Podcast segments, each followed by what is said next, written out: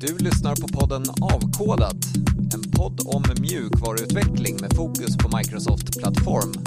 Av och med oss på Active Solution. Så, varmt välkomna till det här avsnittet utav Avkodat där vi ska prata agil utveckling. Så vi ska inte borra så jättemycket i specifika tekniker utan faktiskt eh, uppehålla oss mer vid eh, metodik. Och jag ska berätta också vilka vi har med idag. Förutom mig, Robert Folksson, så är det Cecilia. Ja, Cecilia Wren. Peter Örneholm. Yes, Peter Örneholm här. Jobbat med Pactic Solution i några år nu. Henrik Ebbeskog. Hallå, hallå, hej, hej, Henrik här. Och Chris Klug. Hej, hej. Så vad ska man säga, upprinnelsen till att, att vi kände allihopa att vi ville prata om det här. Vad, vad är era tankar kring det? Eh, är det ett aktuellt ämne eller är det inte bara så att agilt det är ju så man bedriver mjukvaruutveckling nu och det är väl ingenting mer med det eller? Känslig fråga det där. Det, det, det känns som att det är ett lite touchy subject eh, och, och, alla, har, alla har en åsikt. Eh, men det känns som att ja, de, branschen lutar väl väldigt hårt åt att allting ska göras agilt och så vidare. Men jag tror att det finns en stor diskrepans kring vad folk anser är agilt och hur agilt ska fungera. Och, och vilka processer vi behöver för att driva den processlösa agila verksamheten. Jo men precis, det har väl blivit lite grann en trademark kring agilt. Det, är liksom en, det har blivit ett säljargument nästan, eller vad ska man säga, rekryteringsargument mer än någonting som man verkligen vill göra känns det som. Det låter bra, Ja, det blir lite så tror jag. Mm. Jag tror, som sagt jag tror problemet är lite grann definitionen av vad agilt är, är väldigt olika för olika människor. Uh, och det, det, har blivit lite grann av en så här det är egentligen en mindre teknisk grej. Det har blivit en, ja vi jobbar agilt, men som, som Henrik säger, vi, vi stämplar det lite grann på allt känns det som. Uh, men, men vad det faktiskt innebär är, är väldigt flytande. Mm. Uh, jag tänker också att det kanske framförallt senaste, vad ska man säga, åren har varit lite så att pendeln har kanske slagit tillbaka lite grann. Det har framförts en hel del kritik kanske senaste två åren skulle jag vilja säga. Är det lite grann så att det har varit väldigt mycket förväntningar av eller på att nu har vi hittat liksom silverkulan för hur mjukvaruutveckling ska bedrivas. Och så utav olika anledningar så märker vi att vi når inte alltid dit vi vill ändå. Ja, om jag ska svara, eller svara, kommentera mer. Eh, så jag upplever att agilt har blivit någonting som IT håller på med.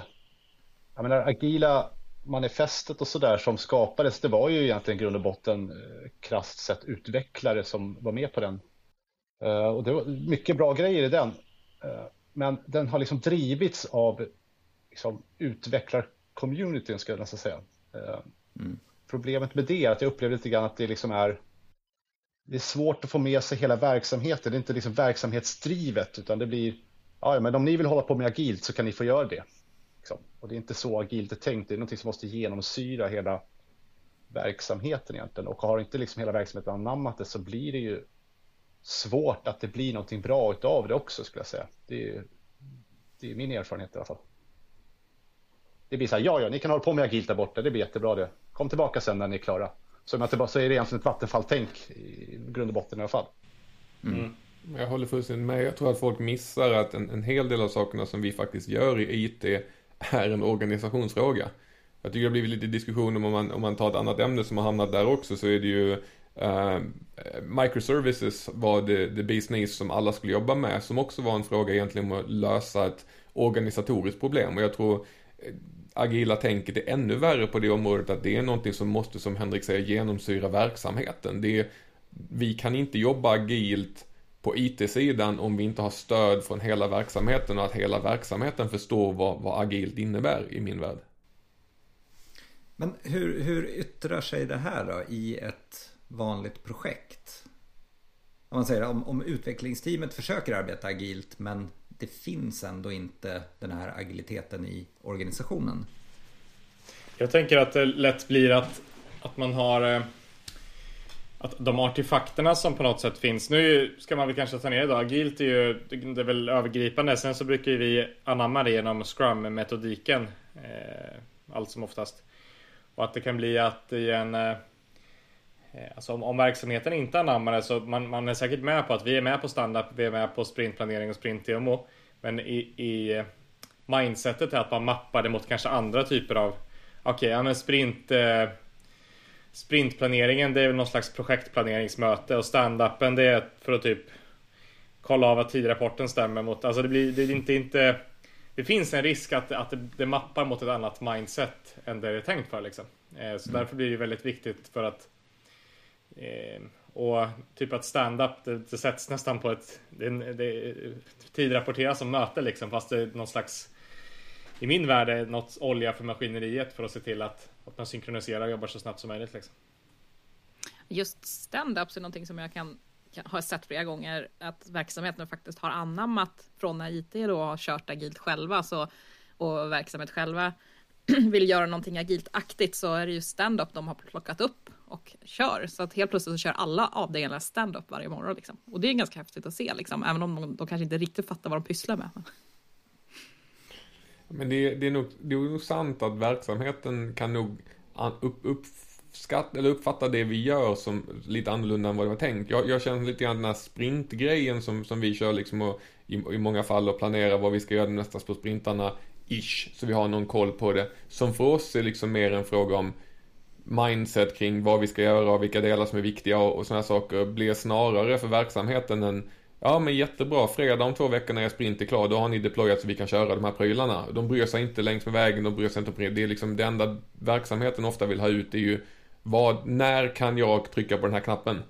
Eh, men, men samtidigt så ska jag slänga en, en liten så här wrench in the, in the works också så kan jag väl säga, jag förstår verksamheten i många fall. Alltså jag, jag, kan förstå att stora delar av verksamheten egentligen bryr sig väldigt, väldigt lite om vad, att, att jobba agilt. Framförallt när vi pratar nyutveckling av, av system.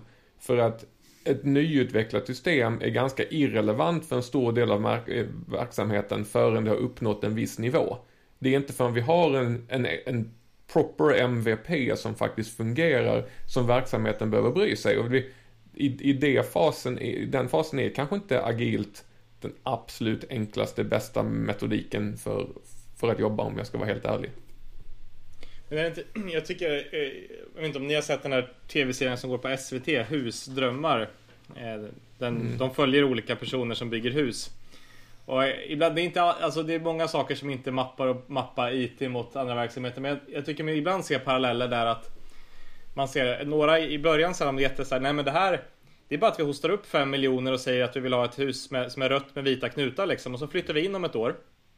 Och det är så här, det, vad jag kan se det finns inte ett enda, inte en enda beställare som har lyckats bygga ett sånt hus för att det finns så sjukt många grejer längs med vägen som man vill ta beslut om om man vill vara aktiv. Så att vill man ha någonting som man kan flytta in i då ska man liksom köpa ett begagnat hus och bara typ kanske måla om barnrummet och måla om köket liksom. Men är det inte lite likt det här med IT-projekt att du måste vara väldigt sådär, du måste vara på byggarbetsplatsen varje dag, du måste, måste ta lite beslut och... man ju inte om man ska vara helt ärlig. Husdrömmar är ju ett lite speciellt scenario. Det är inte någon som har lagt en beställning på ett nyckelfärdigt hus som skeppas in i, i i boxar och, och monteras på plats. För det finns ju faktiskt sätt att bygga hus och husdrömmar är väl kanske av liksom programmets modell inte okay. riktat mot den standardhusbygget om jag ska vara sån. Men jag hör vad du säger men jag kan, och, och, jag vet vad vi som på IT tycker att ja men verksamheten ska vara involverad längs med vägen. Så de första sprintarna när vi börjar få upp att det går att logga in i systemet så ska, så ska verksamheten vara där och prova och logga in i systemet. Och bara, Fast de har annat att göra också. Deras jobb, de har också jobb att utföra. Att, att sitta och testa saker i ett system under tiden det utvecklas är inte nödvändigtvis alltid så att de har tid till om man, om man nu ska vara lite tråkig. Ja.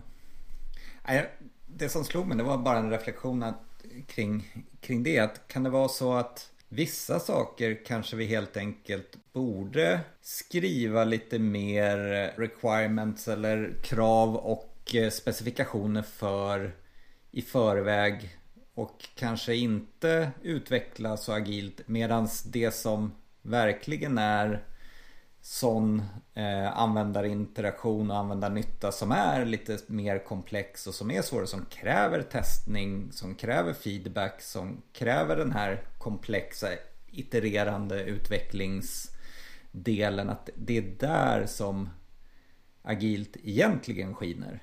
Ja, det är en intressant poäng där. Jag tänkte ju säga det, det är ganska dubbelt det där har jag märkt också bland utvecklare för att beröra det du sa. Eh, för ibland kan jag känna att det finns ett väldigt stort behov hos utvecklare att saker och ting är väldigt bra definierat. Eh, jag tänker kanske framförallt, jag vet inte om jag ska säga i en förvaltningsfas kanske det är mer intressant, men ibland kan jag uppleva att, att man som utvecklare, det kan jag även känna själv ibland, att det är ganska jobbigt att ta ett ärende som är väldigt luddigt.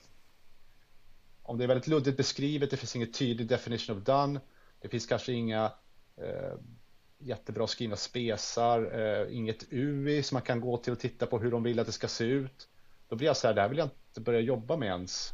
Fast det egentligen kanske är väldigt agilt att skriva ett krav som är väldigt luddigt och som man ska liksom arbeta sig fram till vad det är. Eh, och knyta an till det så håller jag nog med om att det här att i det läget där man verkligen kan jobba iterativt tillsammans med verksamheten på ett helt annat plan, det är just kring användarnyttan skulle jag säga. Att, att kanske mm. sitta och knåpa ihop ett, ett UE eller göra en prototyp och liksom smaka och känna på eh, kan det tänkas ut så här? Där kan man få med eh, användarna på ett helt annat plan än när man väl ska liksom göra klart det.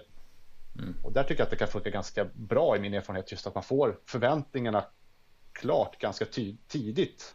Att man itererar fram så här kommer vi leverera i ett UI-perspektiv. Sen hur tekniken ser ut bakom, det bryr man sig inte så mycket om, men man vet ungefär vad slutresultatet kommer bli. Så, och det kan man ju tycka är lite vattenfallor då, jag vet inte. att, att, att, gör, att, Ja, men det, det, det, känns lite, lite grann som att säga att på, det, det luddiga kravet känns det som egentligen är som du säger kanske mer agilt. För det är ett luddigt krav utan ett gränssnitt. Ja men då bygger man ett och så skickar man ut det och så testar man det och så mäter man resultatet och så förbättrar man och så gör man en ny version. Och, och, det känns som att för mig är det den väldigt agila världen. Det är liksom vi gör en version, vi, vi skickar ut den, vi mäter, vi förbättrar. Vilket, om jag då ska vara helt ärlig, kommer tillbaka till som du säger lite mer det, förvaltningsmässigt det kanske, liksom, har man produktbolag har kanske lite lättare att göra det. Spotify kan till exempel kan lägga 100 timmar på att testa en funktion, skicka ut den, se hur folk använder den, mäta den, göra om den, förbättra den, lägga 100 timmar till, skicka ut den, testa den, för de har den här produkten som är långlivad grej som de förbättrar över tid. Medan som konsult så känner jag att vi, vi hoppar ofta in och så, och så löser vi biffen lite snabbt och enkelt. Det ska gärna vara så snabbt som möjligt och så billigt som möjligt. Och då finns det inte riktigt utrymme till den här eh, låt mig testa lite grann, låt mig skicka upp någonting och, och se hur det funkar och sen gå och fråga personen som använder min, min pryl mm. vad de tycker om den. Det här är ganska intressant. Jag kan reflektera till då när jag jobbade på en startup för några år sedan. Det är ganska intressant att se det här effekten av en förändring kan bli ganska så lång. Vi höll ju på i typ två år och alla användare var så här tummen upp. Det här är ju en fantastisk produkt. Och då kände vi så här, ja, fan vad kul, nu fortsätter vi med det här. Och så testar vi. Men pengarna rullade ju inte in. För de var inte beredda att köpa, tyckte det var jättebra idé, men vi fick inga pengar för det var ingen som ville köpa. Ja, men det, ja, så att det, vad, jag menar, vad jag vill säga är att ibland kan det vara väldigt svårt att bygga något och tro att det kommer ge en omedelbar respons tillbaka. Alltså en effekt av en förändring kan dröja ett halvår kanske. Och då är det också svårt att vara agil i, den, i, de, i de aspekterna. Så att jag håller med Chris, det är väldigt kontextuellt väldigt svårt att ha en så här allmän formula hur man ska liksom göra för att vara agil. Liksom. Och det kanske är bra också. Mm. Sen är det ju, jag tycker fortfarande det är vissa saker som jag kanske inte vill ha agilt utvecklade i form av låt oss bygga en MVP, skicka den, mäta och förbättra. Exempel pacemakers. Eh, det är en sån här jättedålig produkt att vi, vi bygger, bygger en MVP, ja men den, den ger lite elektriska signaler i, i, i, ett bra tempo liksom. Nu, nu skickar vi ut och testar den och så ser vi hur, hur användarna tycker om den och så gör vi den bättre. Ja, precis. Eller ett radarsystem till ett fartyg som ska ut till andra sidan. Också svårt. Att... Ja. Kan ni komma tillbaka? ja. Flygplan känns likadant. Jag kommer ihåg någon, någon som de hade tagit en massa lärare eh, som jobbade med fysik och, och matte och grejer i skolan och så satte de dem på flygplan och så sa vi, sa de att Tänk er att det här flygplanet är utvecklat av era elever. Hur många av er är beredda att sitta kvar? Och alla reste sig och gick av flygplanet utom en lärare. Och så frågade jag, men va? Du har bra förtroende för dina elever? Nej, de skulle inte ens få det av marken.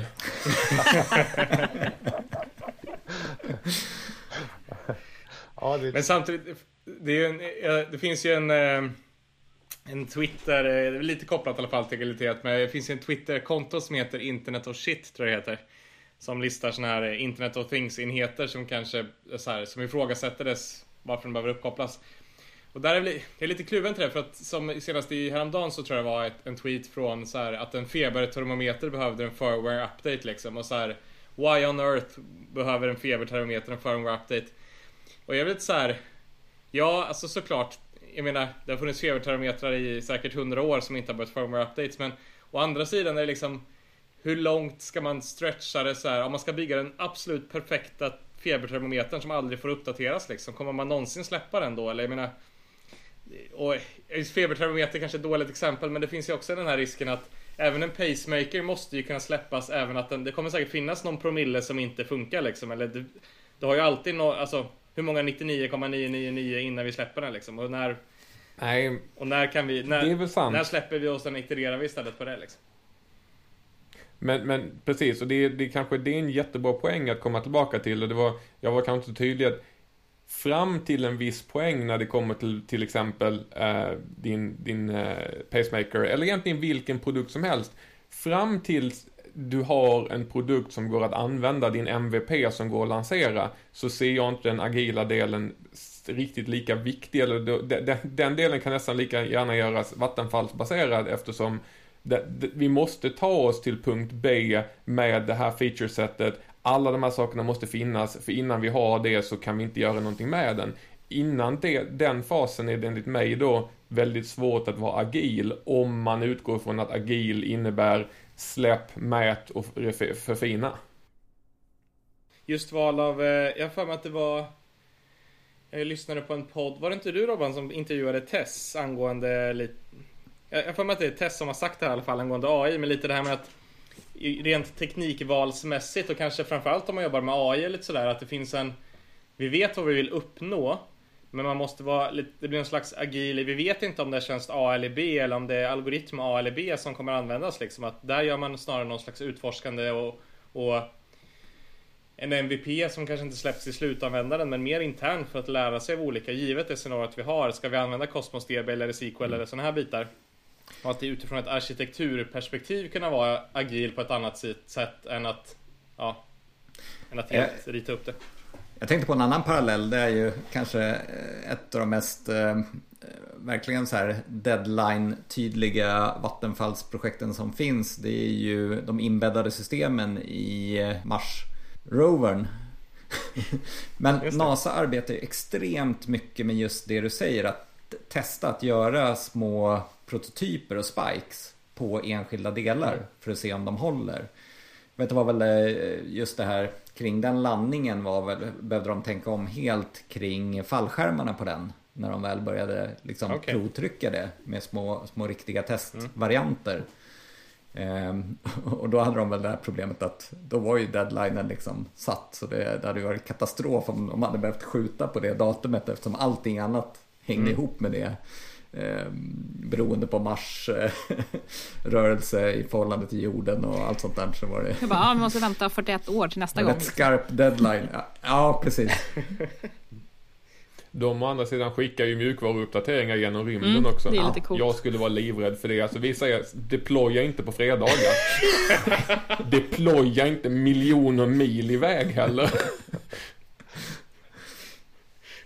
ja, just det. Ja, inte göra rollback där liksom. Nej, för det första är det ju långsamt, men det är också lite, det är lite läskigt med ett självuppdaterande system som mm. botchar man systemet med en uppdatering, det går inte direkt att åka dit och starta om liksom. Nej. När rebooten efter en firmware-uppgradering måste vara lite så här halvnervös i kontrollrummet. Mm. Men det, det, finns ju ändå, det finns en, en aspekt av, jag tycker ibland så blir jag imponerad av bolag som är så här Ibland kan det vara ren marknadsföring men ibland är det så här någonting händer, typ eh, Covid händer. Och så ser man bolag som är så här typ, de, liksom, de, de bygger om sin kärnprodukt på bara två veckor senare så här, nu har vi, nu har vi online-anpassat den här produkten liksom. Och just den där tror jag att, att ha det Delvis har man liksom business mindsetet och det är lite vinna eller försvinna i vissa fall. Eh, men, men även då att ha en så här, har vi en, en platt, har vi automation har vi en plattform som är så här, vi kan få ut det här liksom, eller Ibland tycker jag bolag, jag kan inte komma på något konkret exempel, men just det där att det händer någonting, Trump skriver något på Twitter eller någonting sånt där och så, och så typ dagen efter så har man releasat och fått ut en ny version. Typ Tesla brukar ju vara ganska bra på det där att säga, nej men vi är någon skriver något till Elon Musk på Twitter, han bara det där låter som en bra idé och så pingar han någon typ och sen så här, dagen efter kommer ett pressmeddelande, nu har vi uppdaterat så att du kan göra det här och det här i din Tesla liksom. Och där är ändå hade man frågat typ vilket tyskt bilmärke som helst för tio år sedan så hade de sagt att det var tekniskt omöjligt att ha en sån typ av release cycle liksom. Mm. Ja, det, där, det där såg man ju ett exempel just på industrin som har varit väldigt agil. Det är ju, vad se vad heter det, de som tillverkar blöjor bland annat. Jag vill säga Etsy eller något sånt där. Um, de ställde ju om sina liksom, blöjfabriker, eller del av sin blöjfabrik på några veckor till att tillverka mm. munskydd. Eh, det är lite samma material och liksom ska stretchas, mm. lite gummiband och såna grejer. Och det gick ju mm. tydligen väldigt snabbt och bra. Eh, och det är ju verkligen, alltså en fabrik när du har liksom maskiner och sånt, det är ju det, inte det första man tänker ska kunna vara agil. Vi pratar ju bara om ettor och nollor och idéer i huvudet liksom. För det är klart vi ska kunna vara agila. Men eh, det är häftigt att se när andra branscher också är agila. Liksom. Ja, superintressant. Bilvärlden är ju lite intressant där som, som Peter pratade om med Tesla liksom att det är nog en bransch som, som har mycket att vinna på typ Teslas modell att kunna släppa nya features och, och, prova nya saker och uppdatera längs med. Det har varit lite svårt att göra det i bilar tidigare. Men det är nog en bransch som kommer behöva innovera något ofantligt för att kunna komma ikapp Tesla. Ja, det är lite, jag vet inte, när vi spelar in det här avsnittet så är det ju den eh, 27 maj och ikväll så ska ju Tesla, eller inte Tesla, förlåt, SpaceX ska ju skicka upp två stycken astronauter för första gången sedan 2011 va, från amerikansk mark. Jag såg, jag såg ett klipp på Youtube igår som gick igenom hela processen hur det kommer funka och så, lite så här film från när de testade. Men då då, de kör ju, det är ju touchscreen som de styr eh, rymdraketen med. Och jag bara satt och så här väntade på att skärmen typ skulle låsa sig. Att jag, bara kände, jag vet inte om jag hade vågat sätta mig som astronaut med en touchscreen som jag styr hela rymdraketen med. Men, men det, är mer, det är mer det där, jag, jag litar totalt på att SpaceX har gjort sin eh, research på att det kommer funka. Men, men det, är, det är roligt att liksom någon ändå vågar Eh, sträcka ut, alltså testa lite. Jag tänker att det är lite samma anda i Tesla också som sagt. Att du har en du har en touchscreen och sen så en dator bakom och sen det gör att vi kan potentiellt så skulle de kunna patcha liksom sin rymdraket från eh, Houston om det, eller vart de nu skickar upp den här raketen ifrån ifall det skulle visa sig vara något. Det är inte så här, behöver de få in en till knapp så är, så är det ett UI, en UI-uppdatering liksom.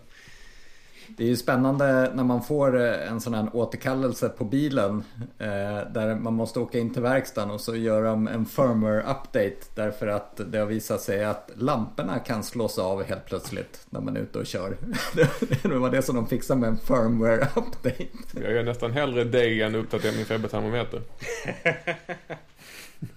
ja. Men är det inte också det att det finns en risk, alltså jag tänker att så här utifrån ett verksamhetsperspektiv att om man vet, för ibland så läser man ju så här, ja men BMWs aktie föll för att de behöver nu återkalla 3 miljoner bilar och då kommer det kosta dem så här mycket, adre, adre.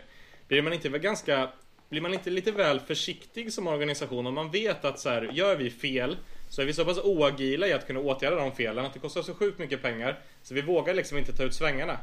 Kan inte det vara en sån att, mm. att du, alltså att fördelen som organisation att vi ändå så här var, vi kan vara, vi, vi vågar göra fel men vi har ett sätt att åtgärda de felen. Typ Tesla kan göra over the air updates liksom.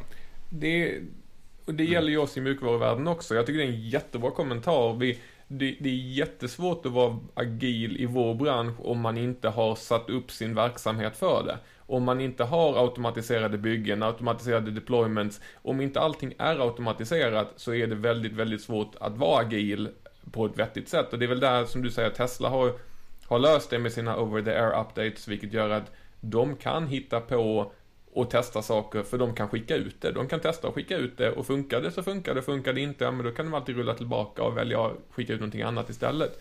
Eh, och det är sagt vad, det gäller oss också. Det första steget till att vara agil är att ha sina processer automatiserade. Mm.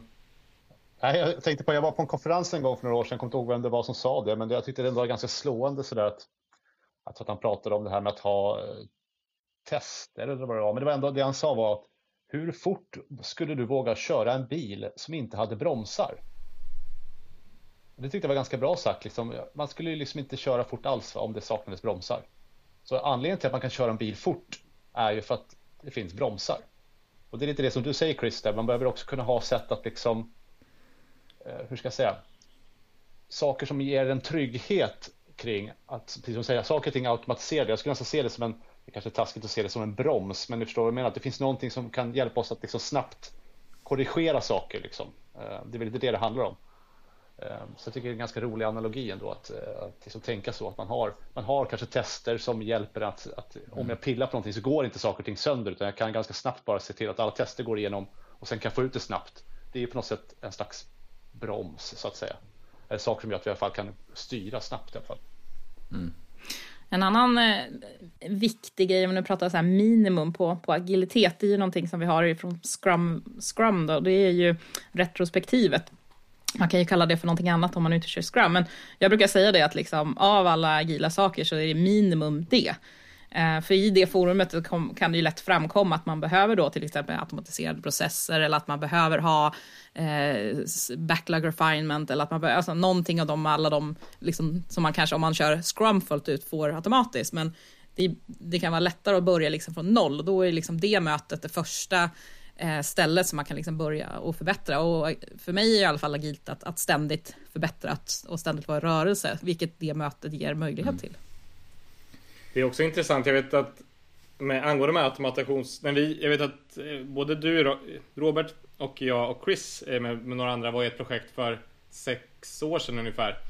Och då gjorde vi väldigt mycket automation men det, det var lite så här, Det var ändå I alla fall i Microsoft-världen så var verktygen inte jättemogna och vi var ganska tidigt ute. Vi körde Azure Vi körde, vad hette det då? Det hette Visual Studio Online tror jag det hette på den tiden. Just det. Och lite så här liksom. Men, men även då vi automatiserade men den automationen var mycket drag and drop och sådär. Men nu känns det som att i mycket i Microsofts värld så är det liksom det, det, är så mycket fall, eller mycket så här fall in the pit of success. Du måste skriva en YAML-fil numera, du måste göra det här. Det, det, är liksom, det tar nästan längre tid att klura ut hur du ska göra saker manuellt i många fall.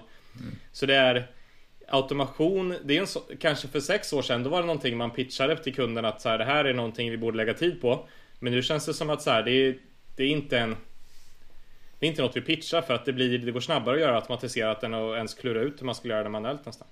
Ingen köper, Ingen köper tröjorna som det står Friends don't let friends right click deploy på längre. För att det är så självklart, självklart att man inte Man gör inte det längre. Det, ja, jag tycker ja, men, ja, men det, det, är min bild också. Det är min Att det blir det är liksom Det blir inte och framförallt när man är flera personer så är det så här, har man en gång råkat deploya en gammal version av källkoden typ lokalt då, då, är det, då har man bränt den budgeten det tog att sätta upp det där liksom. Nej, men jag håller med. Till och med liksom för de minsta utility-programmen som vi skriver som vi tror att vi kanske inte ens ska deploya om brukar vi liksom göra en, en deploy pipeline på. För att det är som sagt det är lättare att sätta upp det så än att börja fundera på eh, hur man ska mm. göra det manuellt nästan. Jag sitter ju i ett sånt projekt just nu tillsammans med ja, Peter och Robert faktiskt med och, och sköter en hel del av pipeline och byggdelarna. Eh, och det uppstod en kommentar idag med angående, men Chris, du har aldrig förespråkat tester tidigare. Uh, och jag har väl haft mina åsikter kring tester, men nu när man sitter med det, det är rätt nice att veta att det finns, eh, apropå den här bromsen som Henrik pratade om, det är rätt nice att veta att när testerna går igenom så är det rätt hög sannolikhet att min applikation faktiskt går igenom. Och när jag kör mina, jag, jag kan bara köra en deploy och pusha ut den till vår vår CD-miljö och se att det funkar. För jag känner mig komfortabel med att om, om det inte funkar så kan jag bara släppa en ny release lite snabbt och enkelt. Vi kan fixa små saker. Sen tycker jag väl kanske att det leder till att vi, vi kanske inte vi släpper väldigt ofta saker i min värld som kanske inte är helt färdigslipade. Vilket jag tycker är fine, för det innebär, men okej, okay, där var en liten bugg här när vi väl fick upp ny produktion. Ja, men det är bra, då fixar vi till den och så gör vi en ny deployment. Det är, det är spännande att jobba med, men eh, man, man ska inte underskatta de där testerna som säger om systemet funkar eller inte.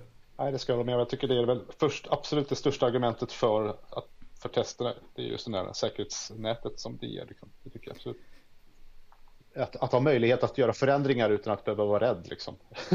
så att säga. Ja, precis. Jag håller, ju, jag håller ju med om det. Jag tycker de, de två främsta sakerna med tester för mig, det är ett, det är att ha säkerhetsnätet när man kör en riktig lösning med lite, lite större lösning, att veta att den faktiskt funkar.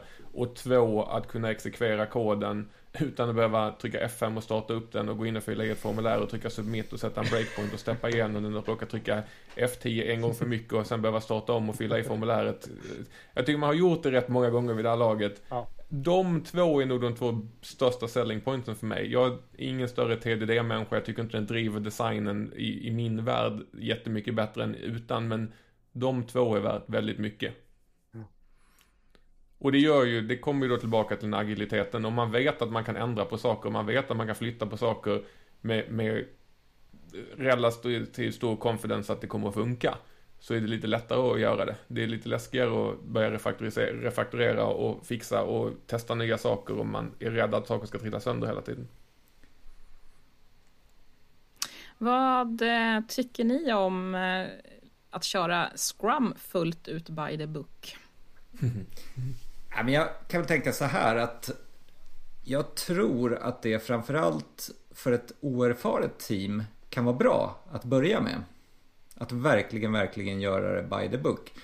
Men samtidigt så tänker jag att eh, Scrum är ju så oerhört beroende utav produktägarrollen. Och min erfarenhet är att det, det kan ofta vara där det Eh, är svårt att få till en riktigt bra Scrum-process. Lite tillbaka till vad du var inne på Chris, att det här med att, att det blir ändå någon slags enorm kravlista som bara liksom fylls på in i sprinten och det blir inte egentligen det här agila prioriterings och kravarbetet som egentligen bör ske inför varje sprint. Eh, och där vi ofta som utvecklare hamnar i situationen att vi blir någon slags produktägarproxys. Där vi får iklä oss den rollen att försöka prioritera så gott vi kan. Och det, det är väl en stor utmaning med, med Scrum i stort egentligen. Inte bara som om man ska köra by the book eller inte. Men annars så tänker jag att man kan ju börja och försöka köra väldigt disciplinerat för att sen upptäcka vad man kan ge avkall på. Vad som, hur man ska skruva på processen. Framförallt om man inte är van vid det. Jag kan bara flika in, jag håller med helt och hållet faktiskt tror jag. Ehm, just det där med att jag tycker om jag får slags känna av temperaturen där ute på i communityn så känns det som att det är liksom det finns lite olika åsikter där. Vissa tycker att det är helt förkastligt att köra skrum egentligen. Eller att man ska ju liksom anpassa sig till sin egen. Det finns en jättefin tanke med det också. Men jag tror precis som du är inne på Robert. Eh, jag tänker på det finns en bok som heter Switch. Har ni läst den? Det är Heath Brothers som har skrivit den. Bröderna Heath. En väldigt bra bok. Eh, jag kan rekommendera om inte annat. Eh, bra, och den, den handlar just om det här. Ja, det kan vi göra. Den handlar just om det här, delvis i alla fall, om att de försöker utmana att vi människor är kanske egentligen inte så rädda för förändring som man vill tro. Det handlar mest bara om hur förändringen liksom görs. Han tar till exempel som, eh, nu är det lite off topic här, men han tar till exempel som iPhone när den kom. Där var vi inte så rädda för förändring. Den har ju förändrat världen. Smartphonen har ju förändrat världen något otroligt. Eh, och det var vi inte så rädda för den förändringen. Eh, men vad, han försökte, vad de försöker komma till, de här bröderna, är just att för att göra en förändring så smidig som möjligt så är det ganska ofta lätt att få igenom den om man sätter upp tydliga steg och mål. Eh, ett exempel kan vara så här att jag ska gå ner 10 kilo vikt. Det blir ganska vagt. Det kommer jag inte lyckas med. Men däremot om man säger så här, jag ska ut och gå en timme varje dag. Det är en väldigt, ty väldigt tydlig instruktion som jag kan försöka, kanske försöka följa i alla fall. Så här, jag ska gå en timme varje dag, ja men det är bra. Sen vad det leder till, det får vi se. Men just att man har då en, sätter man upp tydliga strukturer för hur förändring ska ske så kommer man ha lättare att göra dem. Och där är tycker jag ändå Scrum ändå en, en ganska lättviktig men också tydlig manual för hur man ska göra det. Och det går att följa. Och det är som, precis som du säger Robert, jag tycker det är en bra, ett bra sätt att få in och få till den här förändringen ändå. Eh, och sen finns det de som fastnar i Scrum såklart. Och det är kanske inte heller helt bra. Att man... Men ja, det finns för och nackdelar. Mm. Eh, jag tänkte som en, eh, en liten avrundning. Vad tror ni om framtiden då? Vad, vad kommer hända med den agila rörelsen? Kommer det att övergå till ett eh, konstant eh, kanbanflöde överallt eller kommer Scrum kanske att leva kvar eller kommer vi att säga att nej, det här med agilt, det var ju någonting vi höll på med på 2010, 2010 decenniet. Jag skulle spå som så att när man tittar Tittar man på vad som händer liksom med allt så går det oftast i cykler där det i början blir så här äh, nytt och väldigt spännande, mycket teorier, man testar och sen så börjar det etablera sig och sen så börjar det sättas liksom allmän praxis och så här gör allihopa och sen så börjar man ifrågasätta varför man gör som alla andra gör och sen så börjar det ebba ut och så kommer det något nytt som ja, så kommer liksom snurren en gång till. Och jag tror att det är någonstans där vi börjar bli med med agil, agilt eller framförallt skrum då kanske som har varit det som är störst att, att det, det börjar liksom ebba ut nu. Nu börjar man frågasätta vad det är och, och snart så kommer det komma något nytt. Sen om man kallar det för någonting annat eller om det bara blir att man faktiskt går tillbaka och säger att vi kör agilt och för det så är det olika för alla. Det vet jag inte. Jag håller med. Håller med. Jag tycker, jag, det var någonting jag reflekterade över tidigare också. Jag tänkte nästan fråga det, men det var ju bra som en roundup. Vissa saker av det agila manifestet, om man tittar på det, har ju på något sätt blivit en självklarhet. Så att, jag tror att nya utvecklare idag kanske tycker att ja, men hur fungerade det ens förut? Jag tänker på det här med eh, individer och interaktioner framför processer och verktyg. Att vi ska ha ett kundsamarbete framför att ta massa kontrakt och att vi ska anpassa oss till förändringar för att liksom ha en hårt spesad manual eller plan som vi ska följa till punkt och pricka och den ska veta. Eh, det känns nu tror jag att det finns kvar fortfarande på vissa ställen, absolut, men det mer och mer börjar det suddas ut. Så att jag tror att grundtanken, för att svara på din fråga Robert, att grundtanken kring det agila är ju, den är så generell så det är svårt att säga att det skulle förändras. Sen tror jag bara detaljerna kring det hela tiden kommer att finslipas. Det tror jag är mitt svar på det hela. Jag, jag instämmer på den också. Jag tror, mm. jag tror mycket av, om vi nu ska säga det agila manifestet som ursprungspunkt liksom, så mycket av det har blivit väldigt naturligt och det tror jag kommer stanna kvar. Jag tror att det är de faktiska processerna i, i det här processlösa agila tänket så är det processerna som kommer att få ge sig tror jag. Jag tror att vi kommer att se andra saker. Jag tror att Scrum är väl kanske i min värld lite grann på nedgång och vi kommer att se andra liknande saker komma upp. Men jag tror inte vi kommer att gå tillbaka till eh, stora kontrakt, kontraktsskrivningar och rupdiagram och liknande saker för att, för att kommunicera utan jag tror vi kommer behålla en mer kommunikativ del men jag tror definitivt att vi kommer se andra buzzwords poppa upp som i slutändan bygger på samma manifest. Ja, det är väl lite så här, jag själv när jag började koda så var det ju framförallt kanske på hobbyprojekt men även i andra att det var ju mycket så här Finns det inte rörelse idag som har funnits ett tag som heter Extreme Programming verkligen? Eller jag, jag vet inte om det är exakt men det känns som att under 2000-talet har jag också hört om att det fanns rätt många väletablerade och välrenommerade bolag som i princip så här, man FTP'ade in i produktionsservern och hackade sina .asp-filer i produktion och klickar man save för tidigt så kraschar produktionssajten liksom. Man var ju extremt agil på något sätt och lite så här, pendeln har kanske gått tillbaka fast vi har så pass mycket mer rigorösa processer och jag tror att det vi vill uppnå eh, det kanske blev en backlash sen på det att men det, det, var för snabbt så nu gör vi rigorösa och så gör vi ett års releaser liksom. Att det vi, jag instämmer att det, vi, det jag ser helt omöjligt att vi kommer gå tillbaka till det är ju få releaser utan vi kommer leverera kontinuerligt. Sen om det är Scrum eller om det är något annat, eller det tror jag kommer, kommer liksom ändra sig. Men att, att vi har verktyg som gör att vi kan tekniskt sett i alla fall leverera ofta. Eh, helt, helt övertygad om. Sen är det mer så här eh, Sen lämnar man det snarare till det, typ, vill man marknadsmässigt som även, det känns som att typ Microsoft och många andra stora bolag, de har ju ibland lite conference driven development, att även om de tekniskt sett är klara med en del features så är det så här, vi buffrar upp allt och släpper alltihopa på bild så har vi liksom 50 nyheter då.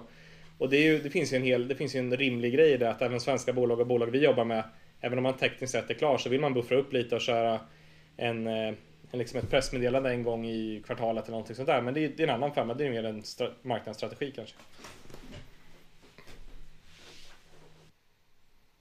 Men en intressant poäng. Jag kände igen mig ganska mycket där med FTP in och pilla i eh, ASP. We've all been there. Det känns som det var så. Ja, jag kände att Känner det du här dig har varit- träffad personligen? Ja, har man varit med sedan början av 2000-talet så har man been there, eh, byggt online sportsbetting mjukvara och fixat buggar med FTP.